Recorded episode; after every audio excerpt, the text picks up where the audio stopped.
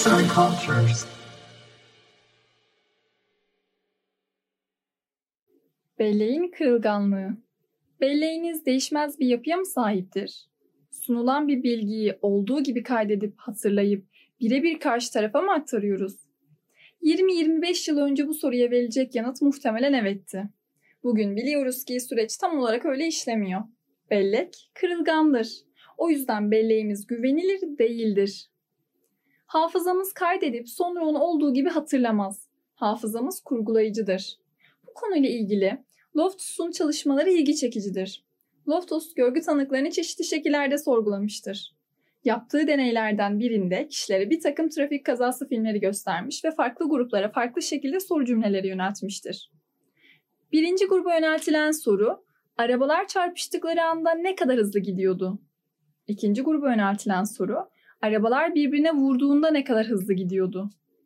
Birinci grupta ortalama cevap 90 iken, ikinci grupta bu cevap 50 oldu.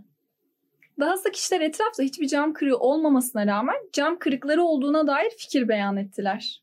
Beynimiz telkine oldukça açıktır. Bize olayla ilgili sunulan bilgiler temelinde konuya ilişkin sunduğumuz verilerde değişiklik gösterebiliyor. Psikolojik çalışmalar gerçek bir anı ile hayal gücünün bir ürünü ya da başka bir işlem arasındaki farkı anlatmanın neredeyse imkansız olduğunu göstermiştir. HUF çalışmalarında yaklaşık 7500 kişinin hatalı bir şekilde tutuklandığını gösterdi. 2002 yılında Amerika'da keskin nişancı 10 kişiyi öldürdü. Suç mahallinde olan birkaç kişi kaçan beyaz kamyon ve minibüs gördüklerini söylediler.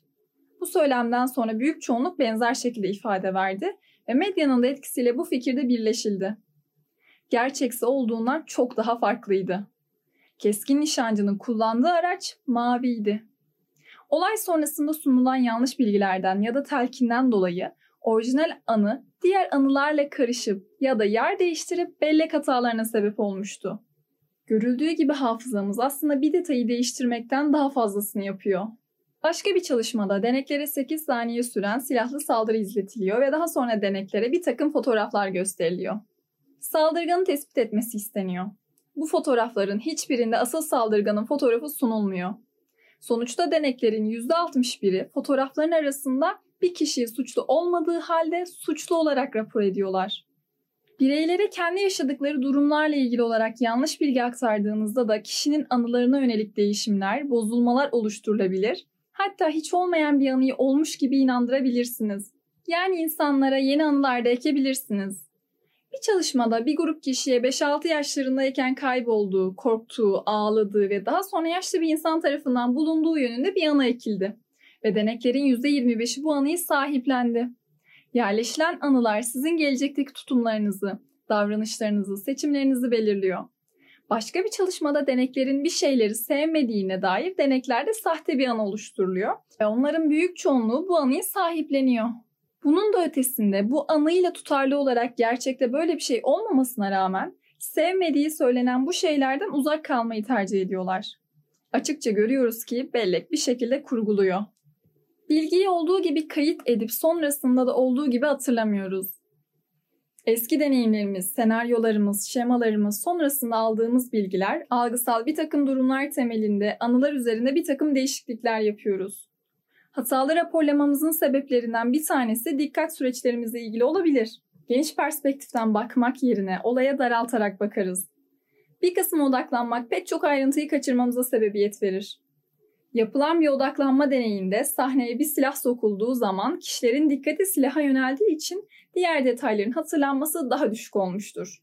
Algı operasyonları, tutum oluşturma çabaları ve benzeri bütün durumlar aslında bizim anılarımızı değiştirmeye, bozmaya yönelik kullanılan yöntemlerdir. Günlük hayatımızın her bir köşesinde ve sürekli olarak bunlara maruz kalıyoruz.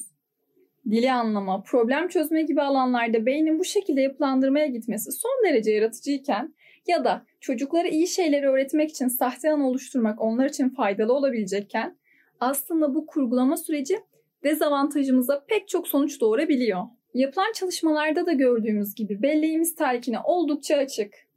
Dolayısıyla gerçek anılarımızın yerine bir şekilde sahte anılar geçebilir. Elizabeth Loftus'un da dediği gibi. Sırf size biri bir şey söylüyor diye ve bunu kendine güvenerek birçok detay ekleyerek duygularını da işin içine katarak söylüyor olması onun gerçekten yaşanmış olduğu anlamına gelmez. Yazan Ülkiye Betül Birgül Seslendiren Esra Yılmaz